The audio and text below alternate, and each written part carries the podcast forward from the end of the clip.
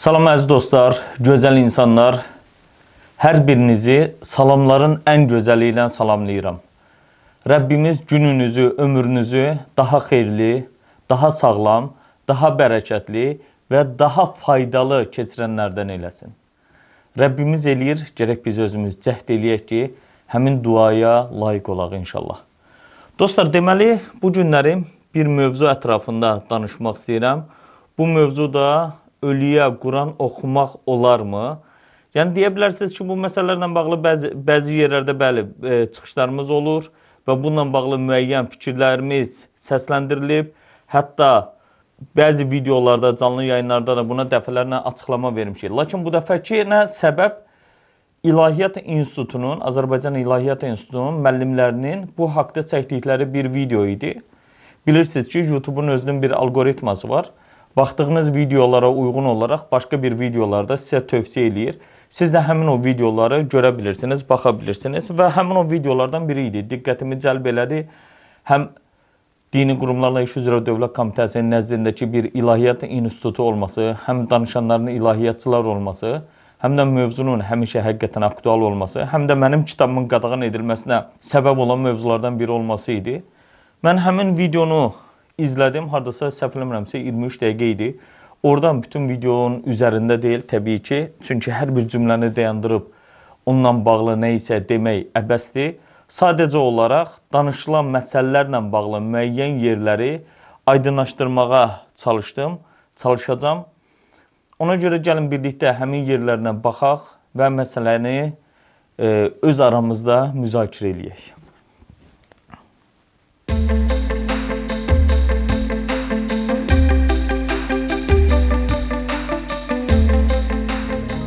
Möfhumatdan və xurafatdan bezmisinizsə, Elşad Mirinin YouTube kanalına abunə olun və paylaşın. Bəziləri ölüyə Quran oxumağın əhəmiyyətsiz bir iş olduğunu, hətta biraz da önə gedərək bu işin bidət olduğu haqqında müəyyən fikirlər səsləndirirlər. Amma biz İslami ədəbiyyata baxdığımız zaman, hədis mənbələrinə baxdığımız zaman bu mövzuda görürük ki, kifayət qədər bizim hədislərimiz var və bununla yanaşı biz fiqhi ədəbiyyatda da e, görürük ki, alimlərimizin, məzhəb imamlarımızın bu mövzuda müəyyən fətvaları var, görüşləri var. E, müsəlmanın e, bu Dostlar, baxın, həqiqətən çox maraqlıdır. Sualı verən, mövzuya giriş edən və yaxud da verilişi e, gündəmə gətirən şəxs danışdığı məsələlərdə mən baxdım, Qurandan bir kəlmə istifadə eləmirlər. Sadəcə olaraq həmin o qarşısındakı şəxs danışan, indi birazdan danışanda görəcəksiniz, həmin şəxs Qurandan bir ayəni gətirəcək sonrakı mərhələdə. Amma buna qədər danışdıqları məsələlər sırf ancaq və ancaq məzhəb imamları üzərində, məzhəblər üzərində, müəyyən güya bütün müsəlman alimlərindən yaxud da ki bəzi hədis rəvayətlərindən ibarət olan bir çıxışdır.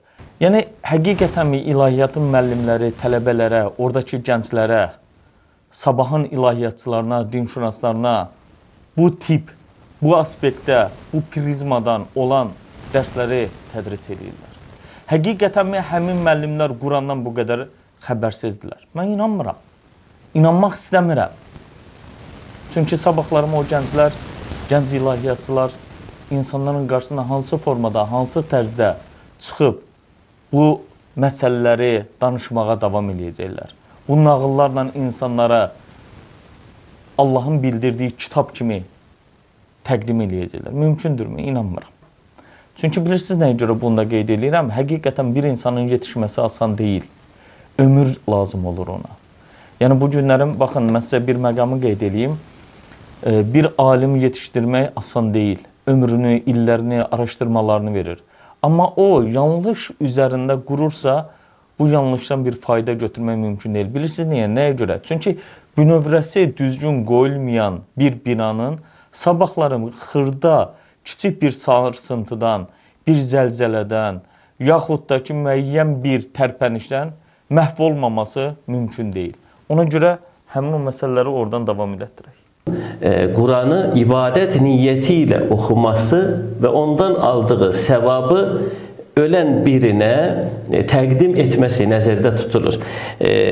qeyd edim ki, biz e, Qurani Kərimin e, tərifini verərkən həm əhli şiədə, həm də əhli Dostlar, indi o tərəfindən keçməmişdən əvvəl maraqlı bir tərəfinə toxunum. Qeyd olunur ki, orada oxunan Quranın savabının ölüyə göndərilməsindən söhbət gedir.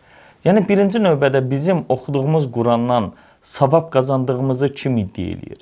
Və yaxud da savab qazanmaq nə deməkdir? Bu bir bonusdurmu? Bir artıdırmı? Və yaxud da nə qədər savab qazanmalıyıq ki, biz bundan ötəri cənnətə getmək limitini doldurmuş olaq?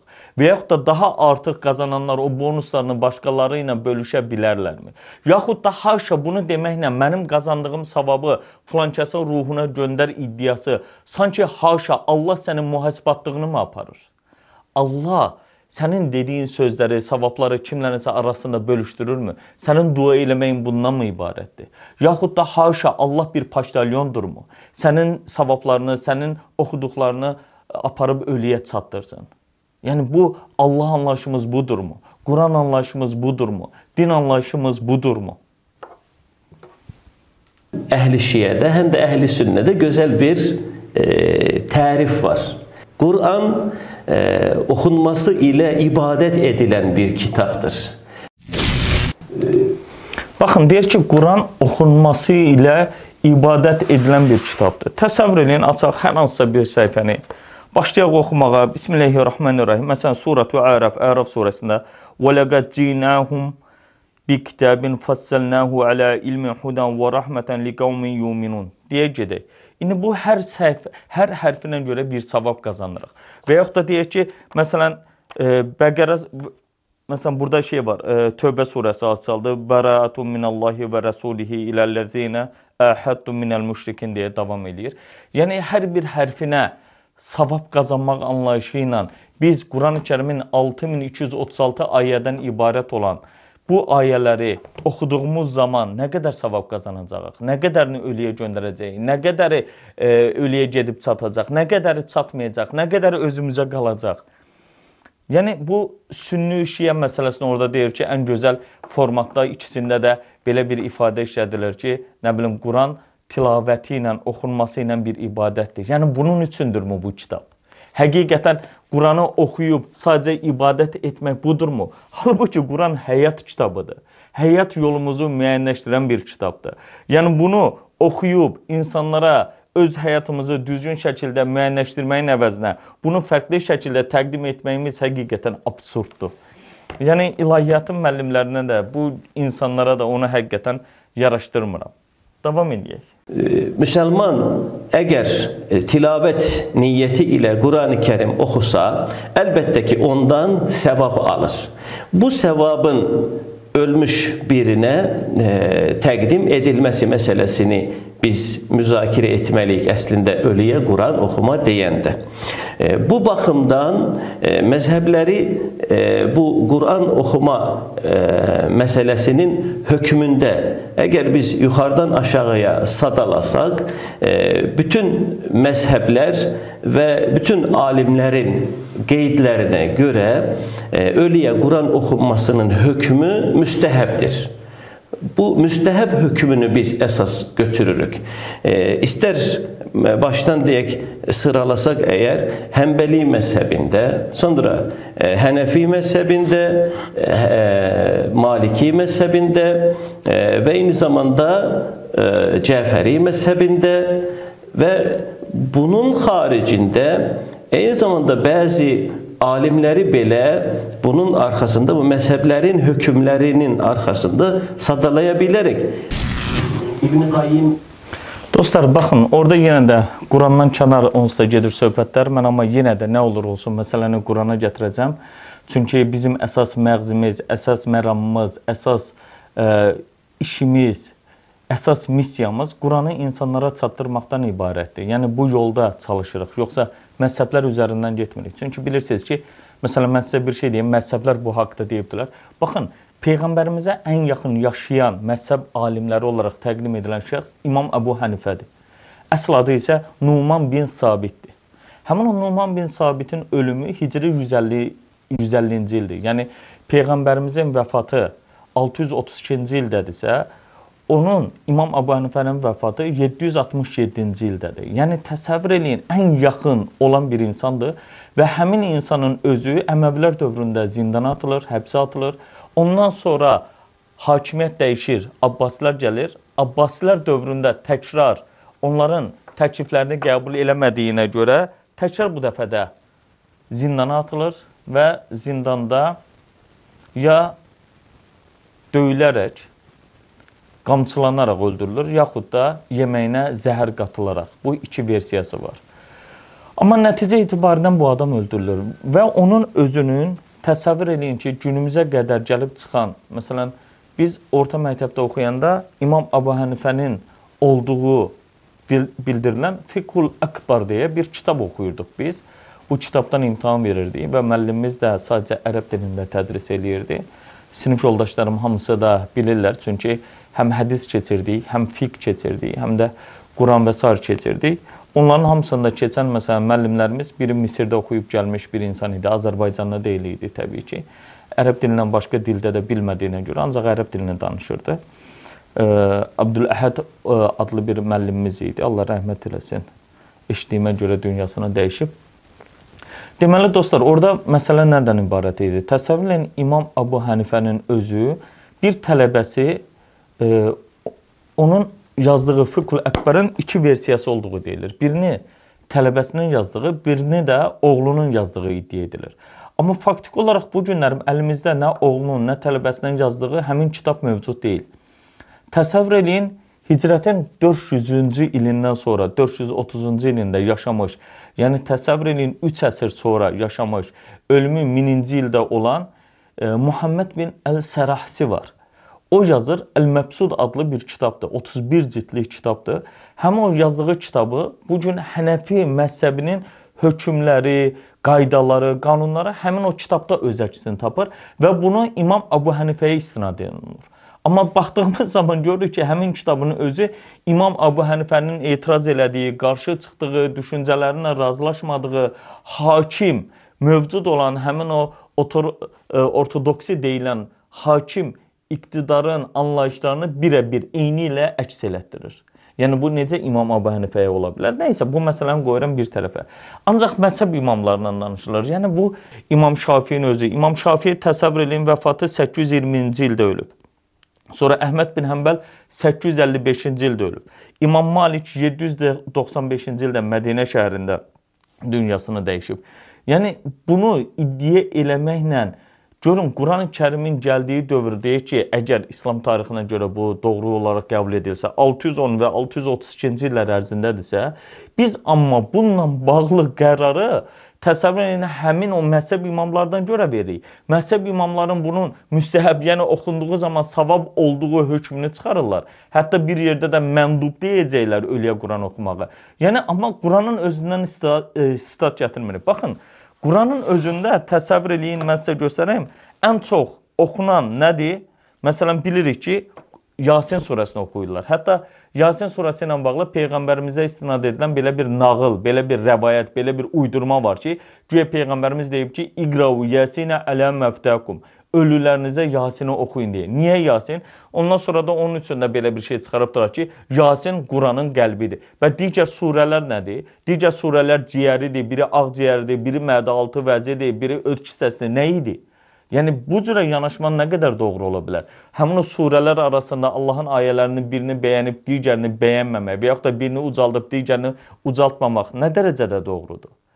Yəni ona görə məsələn baxın Quran-Kərimin 36-cı surəsidir Yasin surəsi. Yasin surəsində 36-cı surə təsəvvür edin cəmi cümlətanı bircə yerdə keçir. O da həmin o Yasin surəsində keçir. Deyir ki, Bismillahirrahmanirrahim. Quranın göndərilməsi ilə bağlı deyir. Liyunzira men kana hayyan və yahiqqal qawlu alal kafirin. Liyunzira men kana hayyan. Yəni hey diri olanları xəbərdar edilməyi üçün göndərildiyini bildirir. Diri olanların, diri, hey olanların müəft olanların, meyyit olanların yox. Ayədə deyir. Amma biz bu günlərim götürmüşük məhzəb imamlarına görə, güyə heç onların özlərinin belə bir sözləri yoxdur. Quranı biz nə etmişik? Ölüyə Quran oxumaq formatında təqdim eləmişik. Əl-Cövziyyənin, məsələn, İmam Şafiyinin e, Ölüye Kur'an okum, okuma hakkındaki e, mövqeyini buraya da qeyd edə bilərik. Və həmçinin Əhməd müəllim sözünüzə qüvvət olaraq deyim ki, Cəfəri məzhəbində də ölüyə Quran Bəli. oxunmasında heç bir problemin olmadığı haqqında e, məzhəb e, imamlarından çoxsaylı hədislər nəql olunur və eyni zamanda da həmin kəlamlara da e, istinad edərək məzhəbin böyük fəqihləri bu mövzuda müxtəlif fətvalar verirlər ki, həqiqətən də Cəfəri məzhəbində, Şiə İmamiyyə məzhəbində də ölüyə Quran oxumaq və bununla yanaşı hər hansı bir savab işin görülüb ölünün adına şamil edilməsi, onun belə deyək, əməl dəftərinə yazılması haqqında heç bir qəbahətin olmadığı haqqında görüşlər vardır. Və bu onu göstərir ki, bayaqdan bəri sizin də sadaladığınız kimi müsəlman dünyasında və xüsusilə də ki, Azərbaycanda olan ən-ənəvi məzhəblərin görüşlərinə görə qəbirlərin ziyarət edilməsi və onun qəbir üzərində dayanıb və yaxud da ölüyə və hər hansı bir məkandan asılı olmayaraq e, ölüyə Quran oxunmasında heç bir qəbahət yoxdur. Deməli məzhəb imamlarının görüşləri də bundan ibarətdir. Təsəvvür edin, dərhal reaksiya verir ki, Cəfəri məzhəbində də belə bir anlayış var. Cəfəri məzhəbində niyə gətirir? Yəqin ki, həmin adamın özünün məzhəbidir. Çünki bu günlərim təəssüflər olsun ki, ilahiyyat müəllimləri məzhəbi olmayan bir müəllim yoxdur. E, yəni məzhəb üzərində gedirlər və bunlar da tələbələri istər-istəməz o formatda yetişdirirlər. Yəni mən ümidli idim ki, həqiqətən Azərbaycan İlahiyyat İnstitutu açıldı, burada yenilik olacaq və s. amma aldığım məlumatlara görə, orada görüşdüyüm bəzi insanlara görə məlum oldu ki, həqiqətən bu e, eyni məsələnin davam etməsidir. Hətta orada yuxarı vəzifədə olan dostlardan biri qeyd elədi ki, Eşət dedi, elə də çox ümidli olma ginən. Təəssüflər. Mən ümidliyəm, amma təəssüf eləyirəm, çünki həqiqətən bu proses bu şəkildə də davam eləyir. Məsələn deyir ki, Cəfəri məzhəbində də Cəfəri Sadiqə istinad edilən hədisdə belə bir rəvayət var. Nə bilim, ölün ondan sonra da davam etdirilir və buna görə də bilirsiniz necədir? Bu günlərin bir çox yerlərdə ölülər üçün bir insan vəfat eləyəndən sonra onun namazını qılırlar. Ondan sonra onun üçün oruç tuturlar. Bunlar necə edirlər? Məsələn, mollalar yaxınlaşır, deyir ki, indiyə qədər qılmadığı bu qədər namaz var, həmin namazlarını qılacağı, ona görə də bu qədər ödəniş eləyəcəksiniz. Və o yas məclislərindən başqa da ödəniş eləyirlər. Yəni olubmu belə bir şey peyğəmbərin dövründə? Quranda varmı bununla bağlı belə bir məsələ? Xeyr, heç bir zaman yoxdur. Yəni eyni məsələni başqa prizmadan yanaşaq. Yəni peyğəmbərimiz, sonuncu peyğəmbərimiz Muhammed əleyhissalam özü həqiqətən əlinə Quran alıb və yaxud da almasa belə əzbərindən gedib hardasa Yasin oxuyubmu? Hansısa bir surəni, Bəqərəni, Ali İmranı, Kəf surəsini və s. ölülər üçün oxuyubmu? Sağlığında 6 uşağı vəfat eləyib. Onların hansısa birinə Quran oxuyubmu? Bununla bağlı əlimizdə hər hansısa bir doğru, səhih, zəif, həsən nə olur olsun kateqoriyası. Belə bir rəvayət varmı? Yoxdur. Bəs biz hardan çıxardırıq? Biz haşa Muhammed peyğəmbərin özündənmi çox bilirik? Və yaxud da Muhammed peyğəmbər özündən əvvəl vəfat eləmiş digər peyğəmbərlərə Quran oxuyubmu? Və yaxud da bununla bağlı belə bir tövsiyələr olubmu? Təbii ki, xeyr. Yəni ona görə təəssüflər olsun ki, bunu gətirib bu formaya çıxarırlar. Hətta mən sizə bir hadisəni də danışım, e, çox sizi yormamaq üçün. Deməli, Almaniyada bir şirkəti olan tanışımız var idi. Azərbaycana gələndə cənub bölgəsindən idi. O adam yaxınlaşıbdılar ki, bəs sizin atanızın bu qədər namaz qılmayıb, bu qədər oruç tutmayıb, bunları eləməlisiniz, onun üçün ödəniş eləməlisiniz. Sonra məsələn, hətta imkan varsa umrəyə də və yaxud da həccə də bir nəfər göndərsəniz, atanızın yerinə də həcc eləyər. Bu adam deyib ki, mən razıyam, hamısını eləyirəm.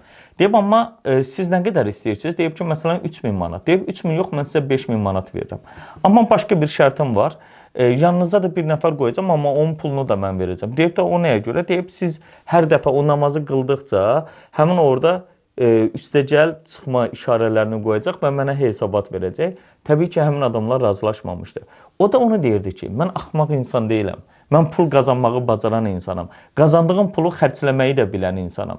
Yəni gətirib bunu Allah yolunda insanlara faydalı olacaqkən və yaxud da tələbələrə təqaüd verəcəkkən gətirib hansısa mollanın heç bir savadı olmayan və yaxud da savadı olsa belə insanlara nağılla, savadı ilə aldadan insanlara mən bunu yedizdirmərəm deyirdi. Həqiqətən elə də elədi. Yəni normal ağlı başında olan insanın yanaşması bu olmalıdır. E, İbrahim müəllim siz özünüz də hədis alimisiz. E, məlumdur ki, e, ümumiyyətlə mühəddislər adətən hədis elmi qayğısı ilə bu e, aspektdə e, əsər qələmi almışdılar. Əsas odur ki, bəli, bir-birinə e, yaxşı tərifləyirlər. Biri hədis alimidir, bəlkə də həqiqətən elədir, biz bilmirik. Ola bilər insanlıq halıdır. E, amma bir şey var ki, məsələn, Buxarinin özünün hədis rəvayət elədiyi, bilirsiniz ki, Buxarinin özü e, 850-ci ildə e, səhv eləmirəmsə həmin vaxtda vəfat eləyib. Onun dövründə yaşadığı dövrdə yazdığı əlimizə qədər gəlib çatmış bir dənə əsəri yoxdur. Tələbəsinin yazdığı bir əsəri yoxdur. Tələbəsinin tələbəsinin yazdığı bir kağızı belə günümüzə gəlib çıxmayıb. Əlimizə gəlib çıxan Əl-Yunini adlı bir şəxsin 1301-ci ildə vəfat eləyir. Yəni e, Buxarinin özündən hardasa e, 4 əsrdən sonra e, vəfat eləyir. Peyğəmbərdən 6 əsr sonra vəfat eləmiş bir şəxsin yazdığı bir kitab olur. Deyir Buxarinin yazdığı budur. Ondan sonrakı dövrlərdə gələn, yəni üstündən 1 əsr sonra da e, İbn Həcər Əl-Əsqalaninin yazdığı Fəthul Bari adlı şərhdir.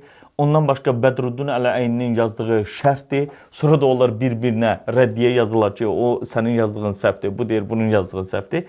Yəni bunlar gəlib çıxıbdı, amma bu günlərin biz gətirib peyğəmbərə çıxardırıq və bunlara da ölüyə Quran oxumaq anlayışına haqq qazandırmağa çalışırıq. Təəssüflər. E, məzhəblərin və alimlərin bu mövzu haqqında hökmlərini danışdıq. Hökm e, demək müstəhəb və e, yaxud da ki məndub hökmü üzərində bir e, ümmət ulemasının icması olduğunu göstərir.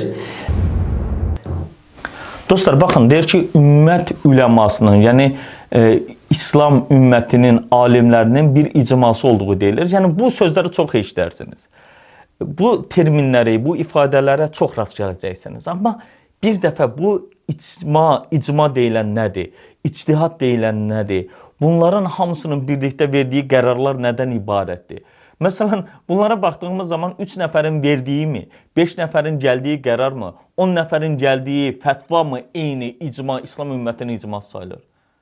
Yəni bu elə bir absurd bir şey formalaşdırıbdılar ki, bir tərəfindən tutsanız o biri tərəfindən gedib çıxa bilmirsiniz. Çünki o qədər yanlışdır ki, o qədər səhvdir ki, o qədər e, belə ümumi bir mənalı ifadədir ki, bununla da məsələn bizə də ilahiyyatda eyni keçibdilər.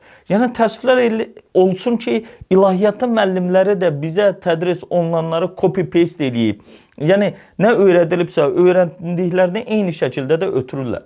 Məsələn, ötən gün bir telefonla danışırdım. Deyirdim ki, sizin yerinizə call centerla bağlı danışırdım. Deyirdim bir dənə süni intellekt qoyulsa və verilən standart suallara da standart cavab versələr, işini həll etmiş olar. Yoxsa hər dəfə eyni suallara cavab verirlər, eyni məsələləri deyirlər, eyni məsələlərdə də susurlar. Niyə? Çünki səs e, qeyd olunur deyə. Yəni bu məsələlərdə də bu günlərim həqiqətən bir nəfərin elə səsini və yaxud da videosunu hazırlasaq, sabah İlahiyyat İnstitutunda da gətirib onları müəllimlərə bir dənə YouTube kanalı kimi bir şey açıb qoysaq, elə onlar onu danışsalar kifayətdir. Verilən suallar standart, verilən cavablar standart, yenilik yox, araşdırma yox, günümüzlə uyğunlaşdırma yox, e, aktual məsələlər yox. 21-ci əsrə gətirib çıxarma yox, 7-ci əsrdə olanları və yaxud da sonrakı dövrdə olanları məzhəb imamları, İslam üləması adı altında olanları yır-yığış eləyib hamısını gətircinə, bu da sizə olsun İslam üləmasının dedikləri məsələlər. Baxın, həqiqətən bu kitabımı qadağan eləmələrinin də səbəbi o idi. Burada da yazılanda belə bir ilahiyyatçılardan biri idi o da. Qadağasının səbəbi də o idi ki, ənənəvi İslam məzhəblərinə ziddir ənənəvi din anlayışına ziddir. Qardaş, ənənəvi din anlayışı olsa niyə yazım ki? Elə götürüb həmin kitabı tərcümə eləyib, onu yazaram, adımı da yazaram və salam olub bitər. Yəni budurmu istənilən? O zaman heç kim heç nə yazmasınmı? O zaman heç kim heç nə danışmasınmı? O zaman heç bir zaman heç birimiz düşünməyəkmi? Düşündüklərimizi dilə gətirməyəkmi? Neyniyək? Əvvəlkiləri götürək, davam eləyək. Budurmu din anlayışı? Yox. Əvvəlcə Qurani Kərimdən ifadə edək ki, Həşr surəsinin 10-cu e, ayəsində Allah ölü ilə bağlı ünsiyyətin necə qurulmasını müsəlmana bu ayə ilə göstərir. Əuzu billahi mineşşeytanirracim. Bismillahirrahmanirrahim. Rabbana ighfir lana və li ihvanina allazina sabaquna e, ayə belədir. Müsəlmana dua çərçivəsində öyrədilir ki, belə desin: "Ey Allahım, bizə də mərhəmət eylə. Bizdən əvvəlki dünyadan köçmüşlərə də, yəni axirətə köçmüşlərə də e, rəhmət et." Yəni ahirete köçmüşlere, ölmüş olanlara e, dua etmek ayenin e, tezahürüdür. Baxın, bir dənə Həşr surəsinin ayəsini gətirir orada. Əl bilirsiniz ki, 59-cu surənin 10-cu ayəsidir. Həmin o ayədən başqa biz məsələn özümüz İbrahim surəsinin 14-cü surə olan İbrahim surəsinin 41-ci ayəsindən baxanda və namazda da bəzən bunu oxuyuruq. Həmin o dualarda da var. Rabbana qfirli və li valideyyə və lil mu'minə yawma yaqumul hisab deyə. Yəni e, ey Rəbbim məni də e, valideynlərimi də bağışla deyə dua var. Yəni bu o demək deyil ki, biz dua etməyək. Dua elə. Mən deyirəm ki, aparıb Quran oxuma. Bunu peşəyə çevirmə. Duamızı eləyirik. Amma məsələn Münafiqun surəsində, başqa surələrdə də var ki, peyğəmbərimizə deyir ki, sən e, 70 dəfə də e, dua eləsən, onların bağışlanıb bağışlanmayacağı Allahın biləcəyi bir işdir. Sən amma yenə də duanı elə girin, eləmə demir. Amma bir insan hər bir şeyə sağlığında layiq olur. Çünki sağlığında sən qazanırsan. Öləndən sonra pulla, qızılla, hər hansı bir formada e, bu bonus qazanaraq cənnətlik olma ehtimalın yoxdur. Sağlığında, ağlın, şuurun, iradən üzərində olduğun zaman hər bir şeyi qazanırsan. Yoxsa öləndən sonra mən hə bu bonus olaraq gəlsə mən bunu həll eləyim demək deyil. Yəni ona görə bundan başqa məsələn İsra surəsində də var, 24-cü ayəsində bu kitabda qeyd eləmişəm. Ona görə kitabdan var ki, ey Rəbbim, onlar məni körpəliyimdən tərbiyə eləyib bəslədikləri kimi sən də onlara rəhm elə deyir. Məsələn, bir dənə surə dedi Həşr surəsində, amma İbrahim surəsinin 41-ci ayəsində, İsra surəsinin 24-cü ayəsində bunlar var. Bunları götürə bilərik. Bir də bundan başqa dostlar, baxın. Mən indi onu burada qeyd eləmişəm əslində. E, Quran-Kərimin bilirsiniz ki, Zilzal surəsi var. Zilzal surəsinin məsələn Məsələn, orada ayədə deyir Bismillahirrahmanirrahim. "Fəmən ya'mal miskala zərratin xeyran yara." Kim bir miskal, zərrə miskal, e, zərrə qədər xeyir iş görərsə, onun əvəzini görəcəkdir. Və men ya'mal miskala zərratin şarran yara kim bir miskal da pis iş görübsə, şər iş görübsə, mütləq də onun əvəzini görəcəkdir deyə Quran-Kərimdə bildirilir. Və bundan başqa baxın dostlar, çox maraqlıdır. Quran-Kərimin e, Yasin surəsindən əvvəl gələn 36-cı surəsində, Fatır surəsində belə bir ayə var. E, orada 23-cü ayədədir. Orada deyir ki, "Və mə ayənin ortasından oxuyuram. Və mə əntə bi musmiin mən fil qubur." Sən deyir qəbirdə olanlara eşitdirə bilməzsən. Peyğəmbərə deyir. Peyğəmbər eşitdirə bilmir, amma biz eşitdirə bilirik. Yəni budurmu məsələ? Yəni bundan mı ibarətdir? Sonra hansı surədə idi? Onu da göstərim sizə. Tur surəsinin 21-ci ayəsində. Baxın. Mən indi ayəni qeyd edeyim. Tur surəsində deyir ki, yəni insanın özü etdiyi əməlinin girovudur. Yəni insan hər kəs etdiyinə görə cavab verəcək. Mən başqasına görə, başqası mənə görə cavab verməyəcək. Baxın, adicə Quranın ən böyük surəsi olan Bəqərə surəsinin 186-cı ayəsində də deyir ki, orada deyir Ləhə mə kəsəbət və ləhə məktəsəbət. Yəni insanın qazandığı da öz lehinədir, e, digəri də öz əleyhinədir, etdikləri də öz əleyhinədir. Yəni başqasına görə deyil məsələ. Yəni dostlar bilirsiniz necədir? Qurani-Kərimdə Allah bunu bildirdiyi halda biz təəssüflər olsun ki, baxın, bircə dənə e, ayə çəkilmədən Həşr surəsi 10-cu ayəsindən çıxmaqdan məzhəb imamları ilə, rəvayətlərlə, güya e, hədislərlə bu məsələni bu şəkildə haqq qazandırmağa çalışırlar. Rükü və səcdə yoxdur deyildiyi zaman İmam Cəfər Sadiqdən belə bir cavab var ki, çünki o namaz deyil, o ölüyə dua etməkdən ibarətdir deyə bir e, kəlam da vardır və bu da bunu göstərir ki, bəli, əgər ölüyə Quran oxumağın hər hansı bir savab işin ölüyə aidiyyəti olmasaydı, o zaman cənazə namazının qılınmasının nə faydası olardı? Baxın, cənazə namazının qılınmağının nə faydası olardı? Cənazə namazı birincisi deyil, qeyd edildiyi kimi o da duadır. Quran-Kərimdə də bununla bağlı məsələn e, onun namazını qılma deyilən bir anlayış var. Məsələn, buradakı namaz dua mənasındadır. Dua eləyərkən də yenə deyirəm, biz necə dua eləyirik? Ölü üçün edilmir, cənazə üçün edilmir. Allaha biz dua eləyirik ki, günahlarını bağışlasın. Bağışlayıb bağışlamamaq yenə Allahın işindədir. Allahın biləcəyi bir məsələdir. Əhməd bin Həmbəlin bu mövzuda üç e, deməli yanaşması var. Üç rəvayətdə e, birində belə qeyd edilir. Deməli, e, qəbristana getdiyiniz zaman orada e, Fatiha, Nas, Fələk və İxlas surələrini oxuyun və ey Allahım bunun səvabını bu qəbir qəbristanlıq xalqına çatdır deyə dua edin. Tamam. Dostlar, təsəvvür edin, bir dənə duanın bir dənə sura indirsiniz, sonra qəbristanlıqdakılarını onlara hamısından bölüşdürürsünüz. Kimə nə qədər, nə qədər olacağına da deyirsiniz ki, Allahın ixtiyarına buraxırsınız, sən özün qərar vercinə. Yəni bu dindirmi? Tamamilə haqlısınız Əhməd müəllim. Gətirdiyiniz dəlillər də müsəlman dünyasında ən səhih dəlillərdən hesab edilir və təəssüflər olsun ki, bizim vaxtımız e, sona yetdi. Yoxsa bu zaman biz hədis mənbələrinə istinadən daha çox hədislər nəql eləyə bilərdik ki, həqiqətən də Peyğəmbər əleyhissalam ölülərinizə Yasin surəsi oxuyun və yaxud da bayaqdan bəri sizin dediyiniz rəvayətlər bütövlükdə nəticə olaraq bunu deyə bilərik ki, ölüyə Quran oxumağın müsəlman dünyasında heç bir problemi yoxdur. Dostlar, tam əksindən bilirsiniz ki, bütün bunların hamısı yalan, uydurma olan bir məsələdir. Yəni doğru tərəfi ölüyə Quran oxumağın heç bir məsələsi deyil. Əksinə ölüyə Quran oxumaq Allaha böhtan atmaqdır. Ölüyə Quran oxumaq Allahın göndərdiyinə qarşı gəlməkdir. Ölüyə Quran oxumaq Allahın əksinə dirilər üçün olduğunu bildirdiyi bir kitabı ölülər kitabı halına salmaqdır. Bu təəssüf verici bir haldır. Yəni bunu da ilahiyyat müəllimləri bu günlər yaxşı ki danışırlar. Yaxşı ki çıxıb efirlərdə bu sözləri deyirlər. Yoxsa bizim bunlardan xəbərimiz olmayacaq. Uşaqlara görə nələr öyrədirlər? Bu uşaqlar sabahları mollalardan fərqi nədir? Nə isə öyrədəcəklərmi? Nə isə öyrənəcəklərmi? Öyrəndikləri budursa sabahları insanların qarşısına çıxıb bunlardan başqa nə danışacaqlar həmin gənclər? Ona görə də qardaşlar, dostlar, mən onu deyim ki, məsələn Quran-Kərimin 134-cü Bəqərə surəsinin 134-cü ayəsində deyir ki, tilkə ümmətun qad xalat. Deyir onlar elə bir ümmət idi ki, gəldilər, keçdilər. Ləhə mə kasabat və lakum mə kasabtum. Deyir onların qazandıqları onlara və lakum mə kasabtum və sizin də qazandıqlarınız sizədir. Və la tusaluna amma kanu ya'malun. Deyir, onların etdiklərindən görə sizdən soruşulmayacaq. Bitdi. Onların etdikləri bitdi.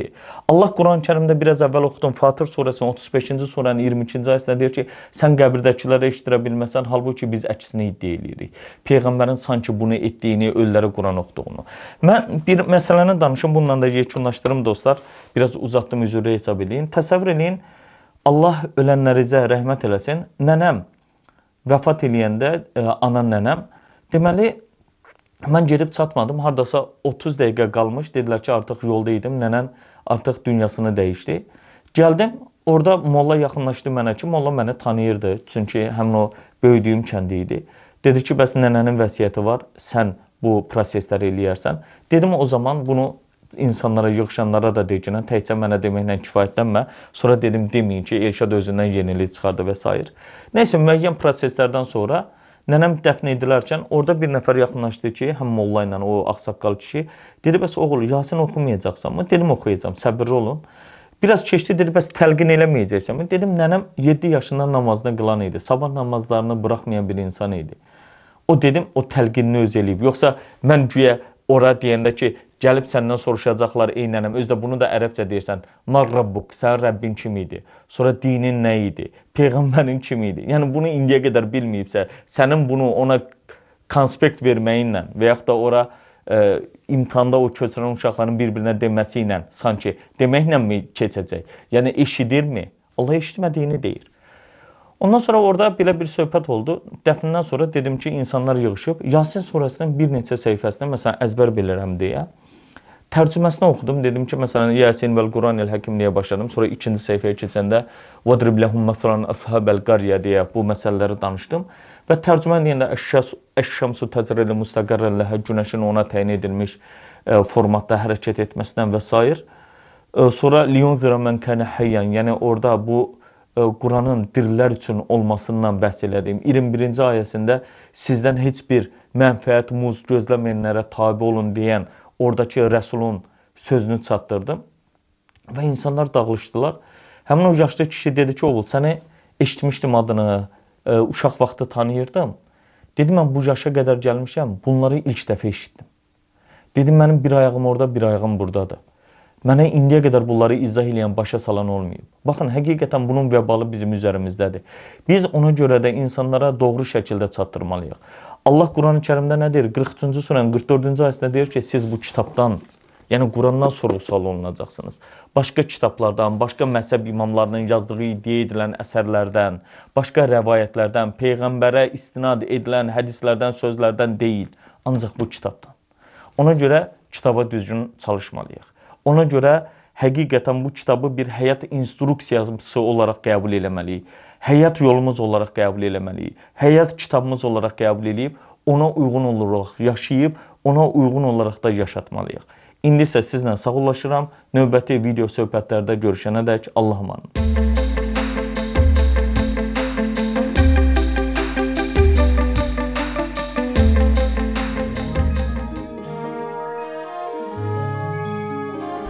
Bu cür videoların davamı üçün Elşad Mirinin kanalına abunə olmağı unutmayın.